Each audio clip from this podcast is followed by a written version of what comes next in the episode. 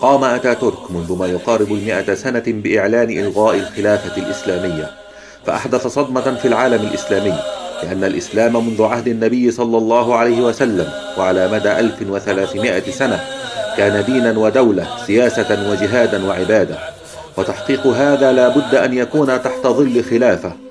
فحمل شباب مسلم مخلص على عاتقه واجب إعادة الخلافة الإسلامية للوجود مرة أخرى. وتسلم شعلة هذا الواجب والشرف جيل وراء جيل إلى يومنا هذا. ما قصة هذه الأجيال وماذا قدموا؟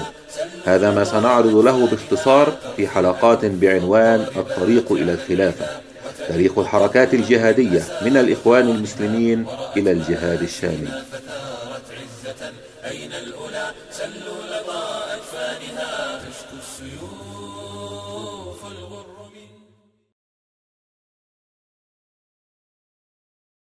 بسم الله الرحمن الرحيم الحمد لله رب العالمين والصلاة والسلام على رسول الله صلى الله عليه وعلى آله وصحبه وسلم أجمعين أهلا ومرحبا بكم في الحلقة الثانية من الجيل الرابع في الطريق إلى الخلافه. توقفنا في الحلقة السابقه عند انشاء الجبهه الاسلاميه العالميه لقتال اليهود والنصارى، قلنا كان هذا اندماج بين قاعدة القاعده الشيخ اسامه بن لادن، تنظيم القاعده الذي سواه في 1988 وبين الجماعة الإسلامية وبين جماعة الجهاد بقيادة الدكتور أيمن الظواهري. لكن هنا الجماعة الإسلامية في هذا التوقيت كانت سلكت طريق المبادرة. لم يكن المبادرة واضحة بعد وهي حتى لم تكن واضحة عند من قام بها. كانت فقط يريدون وقف القتال بأي صورة من الصور وأعلنوا هذا حتى ربما يستفيدوا من شيء من الإعلان. فالشيخ رفاعي طه كان أمير الجماعة الإسلامية في الخارج هو والشيخ محمد شوقي الإسلامبولي. فقالوا أن هذه المبادرة تحت الإكراه وفعلا انتهى الجهاد في مصر. لا نستطيع أن نقوم بالجهاد مرة أخرى. آه، الجماعات الجهادية في هذا التوقيت كانت في الجيل الثالث تعمل بقوله تعالى يا أيها الذين آمنوا قاتلوا الذين يلونكم من الكفار وليجدوا فيكم غلظة. لم يكن يعني يلتزمون بحدود بلادهم من أجل التزام من أجل الالتزام بسايكس بيكو. ولكن كانوا يلتزمون بحدود بلادهم عملا بقوله تعالى قاتلوا الذين يلونكم من الكفار لكنهم اكتشفوا كما قلنا مرارا أن هؤلاء الكفار الذين يلونهم والذين كانوا يقاتلونهم كانوا يتلقون دعما غير محدود من الدول الغربي. فاكتشفوا أن حقيقة من يليهم من الكفار هم أمريكا والمعسكر الغربي وهو رأس الكفر ورأس العمل ضد الدين وضد الجهاد في سبيل الله تعالى. فقالوا اذا لن نستطيع أن نقاتل من يلينا طالما أن رأس الكفر من يمده. فلماذا لا نقاتل رأس الكفر مباشرة؟ وهذه كانت فكرة الجهاد العالمي أو أساس فكرة الجهاد العالمي في هذا التوقيت.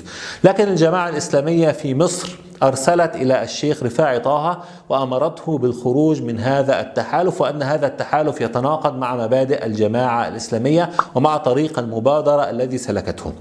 الجماعة الإسلامية من الأمور التي كانت تفرق بينها وبين جماعة الجهاد أن السمع والطاعة له أثر كبير في تكوين الجماعة الإسلامية. هنا طبعا فروق في مسألة العذر بالجهل أو مسألة العمل السري والعمل العلني لكن كان هناك فارق في أفراد الجماعة الإسلامية عن أفراد جماعة الجهاد أن هناك التزام أكثر بكثير بالسمع والطاعة في أفراد الجماعة الإسلامية عن أفراد جماعة الجهاد. هذا الالتزام له عدة أسباب. من هذه الأسباب أن الجماعة الإسلامية أغلبها من صعيد مصر. هذا الصعيد يحترم الكبير أكثر من وجه بحري.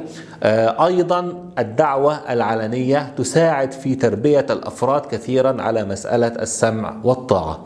الشاهد أن الشيخ رفاعي طه قام بالخروج فعلا من هذا التجمع بناء على أمر مجلس الشورى في مصر. طبعا مجلس الشورى أغلبه موجود في السجن ولكن في النهاية هو القائد الأعلى للجماعة الإسلامية. ف ظل في هذا التجمع تنظيم القاعدة وتنظيم الجهاد فأعادوا تسميته وسموه بتنظيم قاعدة الجهاد.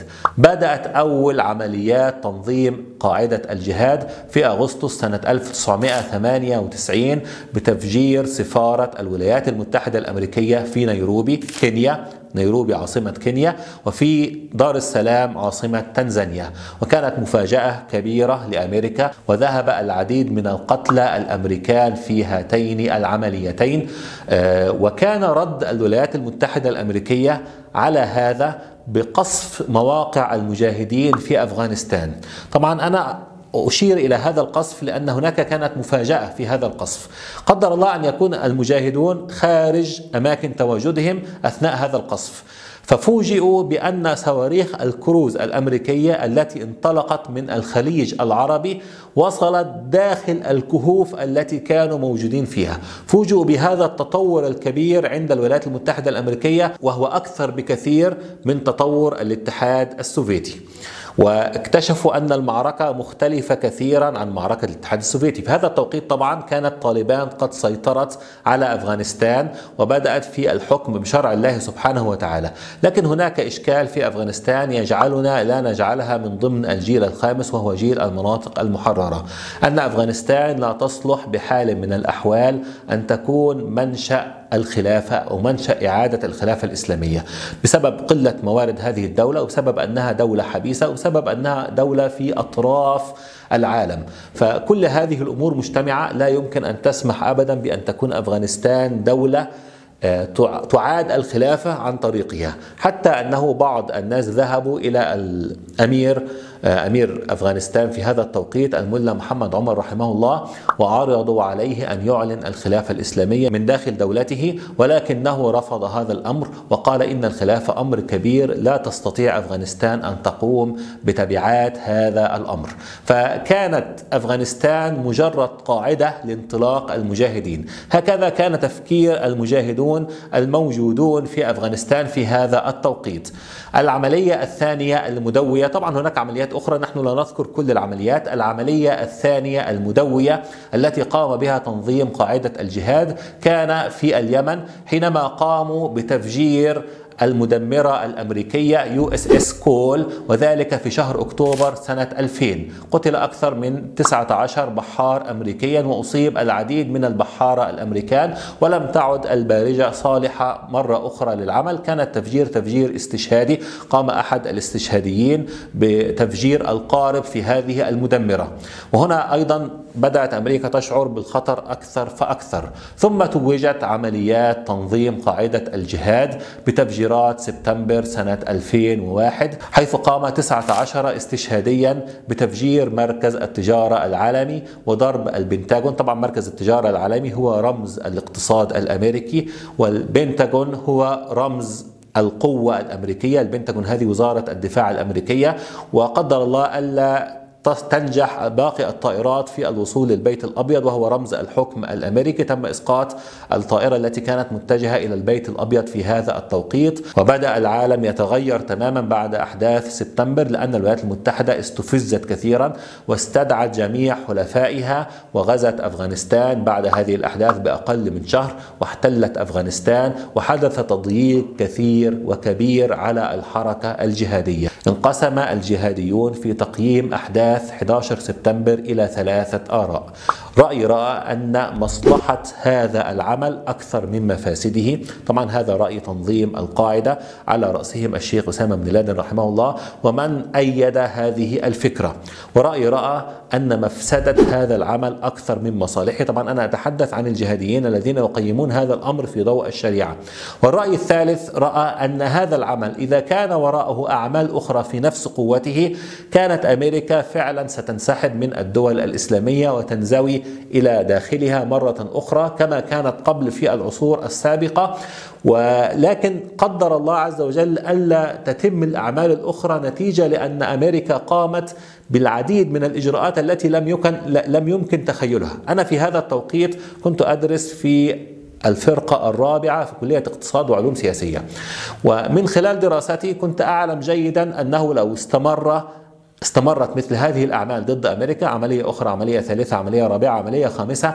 فعلا ستنهار أمريكا ستنهار رغبتها في الاستمرار في الهيمنة على العالم وستنزوي إلى داخلها مرة أخرى. ولكن أمريكا ضربت بحقوق الإنسان التي كانت تتغنى بها عرض الحائط وقامت بتوسيع دائرة الاشتباه وقبضت بالفعل على العديد من الخلايا التي كانت تستطيع أن تعيد 11 سبتمبر مرات ومرات. لكن يؤخذ على من خطط لعملية 11 سبتمبر أنه لم يقرأ التاريخ التاريخ الأمريكي. حين تعرضت أمريكا لخطر مماثل في 1942 حين قامت اليابان بضربها في بيرل هاربور فقامت أمريكا أيضا بإلغاء حقوق الإنسان تماما والقبض على كل من له أصل ياباني في أمريكا في معسكرات اعتقال. وهذا هو فعلا ما قامت به أمريكا حين قبضت على أغلب من له فكر جهادي أو فكر إسلامي موجود داخل أمريكا وطردت الباقين وتتبعتهم في باقي باقي دول العالم ضاربة عرض الحائط بكل ما تتغنى به من حقوق الإنسان. طبعا كانت فكرة قاعدة الجهاد كما قررها الشيخ أبو مصعب السوري في كتابه الرائع دعوة المقاومة العالمية. هذا الكتاب جمع فكر القاعدة في أكثر من ألف صفحة. قال إنه يريد أن يحث الأمة الإسلامية على الجهاد، لم تكن الفكرة أن القاعدة بمفردها ستستطيع هزيمه أمريكا، آه هذه فكرة لا يقول بها عاقل فضلا أن يقول بها كبار العقلاء أمثال الشيخ أسامة وغيره من قادة القاعدة، ولكن كانت الفكرة أن تقوم القاعدة باستفزاز أمريكا وكسر أمريكا بأكثر من عملية فيكون نتيجة هذا أن يحشد باقي أهل السنة وراء القاعدة في جهادهم ضد أمريكا وضد الغرب. لكن الأمر لم يسر بهذه الطريقة لم تستطع القاعدة أن تقوم بعمليات أخرى بعد عمليات 11 سبتمبر عمليات أخرى في مثل قوة هذه العمليات. وتم تحشيد الدول الإسلامية ضد القاعدة طبعا الدول الإسلامية العميلة حشدت ضد القاعدة وتم تحشيد الشعب عن طريق الإعلام والتشويه صورة القاعدة ضد أيضا القاعدة مرة أخرى فلم تحقق الغرض الذي تريده القاعدة من هذه العمليات. طبعا هناك رافد فكري آخر لتنظيم القاعدة وهو كتاب إدارة التوحش لأبي بكر ناجي. طبعا هذا الكتاب يناقش مشكلة كيف ندرب المجموعات الجهادية التي تقاوم الكفر العالمي والتي تقاوم أمريكا وما إلى ذلك من الدول. فقال لابد من وجود مناطق هذه المناطق ليست تحت سيطرة حكومات لأن الحكومات أغلبها تكون تحت سيطرة الولايات المتحدة الأمريكية. فبالتالي هذه المناطق التي تحت سيطرة الحكومات ليست إلا ولايات في الحقيقة لأمريكا. فلا بد من وجود مناطق فيها نوع من الفوضى مثل مثلا جنوب السودان مثل الصومال مثل هذه الدول. وفي هذه المناطق يتم تدريب المجموعات الجهادية التي تنطلق لعمل عمليات ضد أمريكا وضد الغرب. آه، هذا هذه الفكرة أيضا لم يكتب لها النجاح لأن أمريكا كما قلنا سعت لبسط سيطرتها التامة على كل دول العالم والعمليات بعد ذلك صارت محدودة الأثر كثيرا أيضا.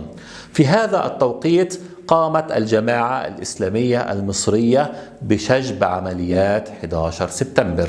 وكانت هذه مفاجأة أن تقوم جماعة جهادية بشجب هذه العمليات. وكان هذا الشجب بمثابة ورقة اعتماد سمحت بتفعيل مبادرة الجماعة الإسلامية. الأمن المصري في 1997 حين قامت الجماعة الإسلامية بمبادرتها اعتبر هذه المبادرة استسلام غير مشروط. وهي هذا هو التوصيف الحقيقي لهذه المبادرة. طب كانت تتوقع الجماعة الإسلامية بعد هذا الاستسلام أن يتم إخراج عناصر الجماعة من السجن.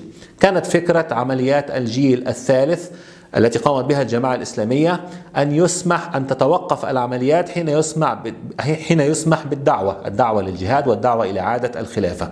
ثم بعد أن تمت المبادرة ظنوا أنها بعد أنه بعد المبادرة سيسمح بالخروج دون السماح بالدعوة، فقالوا نتنازل عن هذا الإيه؟ عن هذا الشرط، ولكن الحكومة أبت تماما التجاوب معها حتى يحرفوا ويلغوا فكرهم تماما ويتنازلوا عن هذا الفكر تنازلا تاما.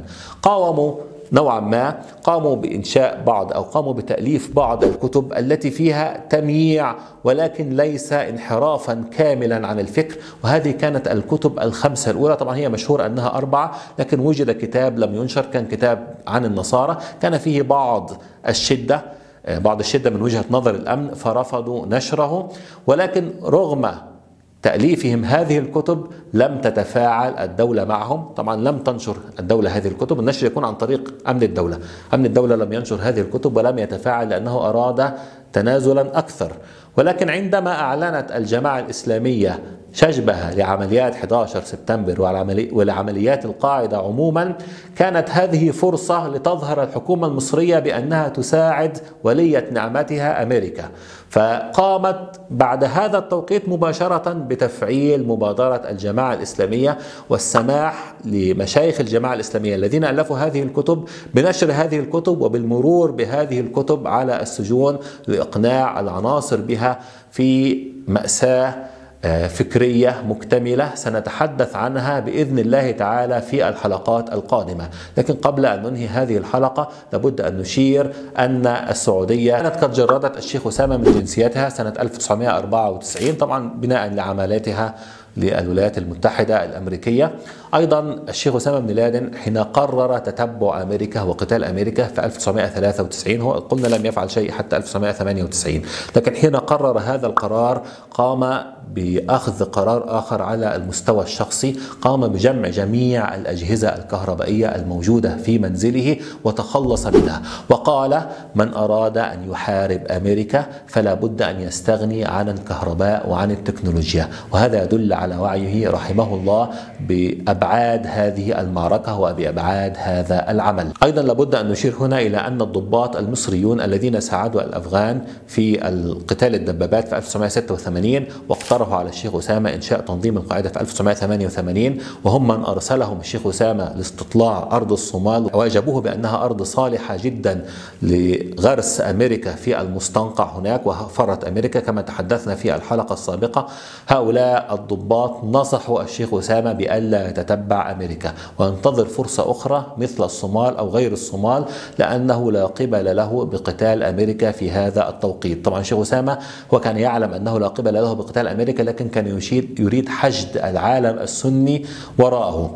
هم أيضا كانوا قد نصحوا الدكتور أيمن بألا يدخل المستنقع المصري ولكنه رفض هذا الأمر بناء على الأسباب التي ذكرناها عنه في الجيل الثالث. وأيضا كانوا نصحوا الجماعة الإسلامية نصحوا الشيخ محمد شوقي الإسلامبولي تحديدا وقالوا له لا تبدأوا المعركة الآن ضد النظام المصري فالوضع لا يسمح بهذا.